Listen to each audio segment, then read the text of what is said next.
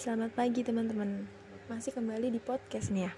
Kali ini buat mama-mama cantik di rumah, aku ada saran buat uh, buat anak-anak yang suka baca dongeng.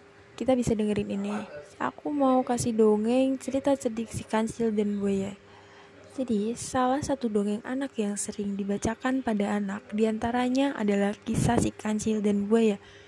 Kancil yang memiliki kecerdikan dan sering membantu sesama hewan di hutan memang menjadi salah satu hewan yang disegani di hutan tersebut. Dikisahkan pada suatu hari, Kancil merasa sangat lapar, namun ia harus menyeberangi sungai untuk mendapatkan makanan tersebut.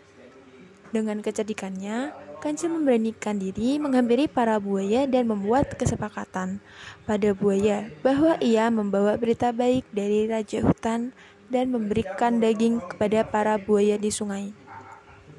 Merasa percaya dengan ucapan kancil, buaya pun menyepakatinya dan bersedia berbaris dari tepi sungai sampai ke ujung seberang sungai hingga membentuk jembatan. Kancil pun menyeberangi sungai dengan bantuan para buaya.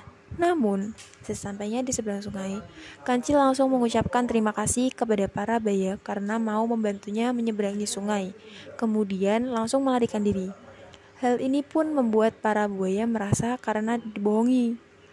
Dari dongeng ini, mama bisa mengajarkan pada anak bahwa kecerdikan seseorang tidak boleh disalahgunakan agar tidak membuat orang lain merasa dirugikan.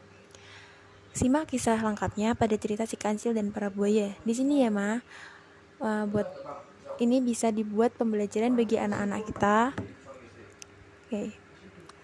Jadi, terima kasih. Sekian dari aku. Sampai jumpa.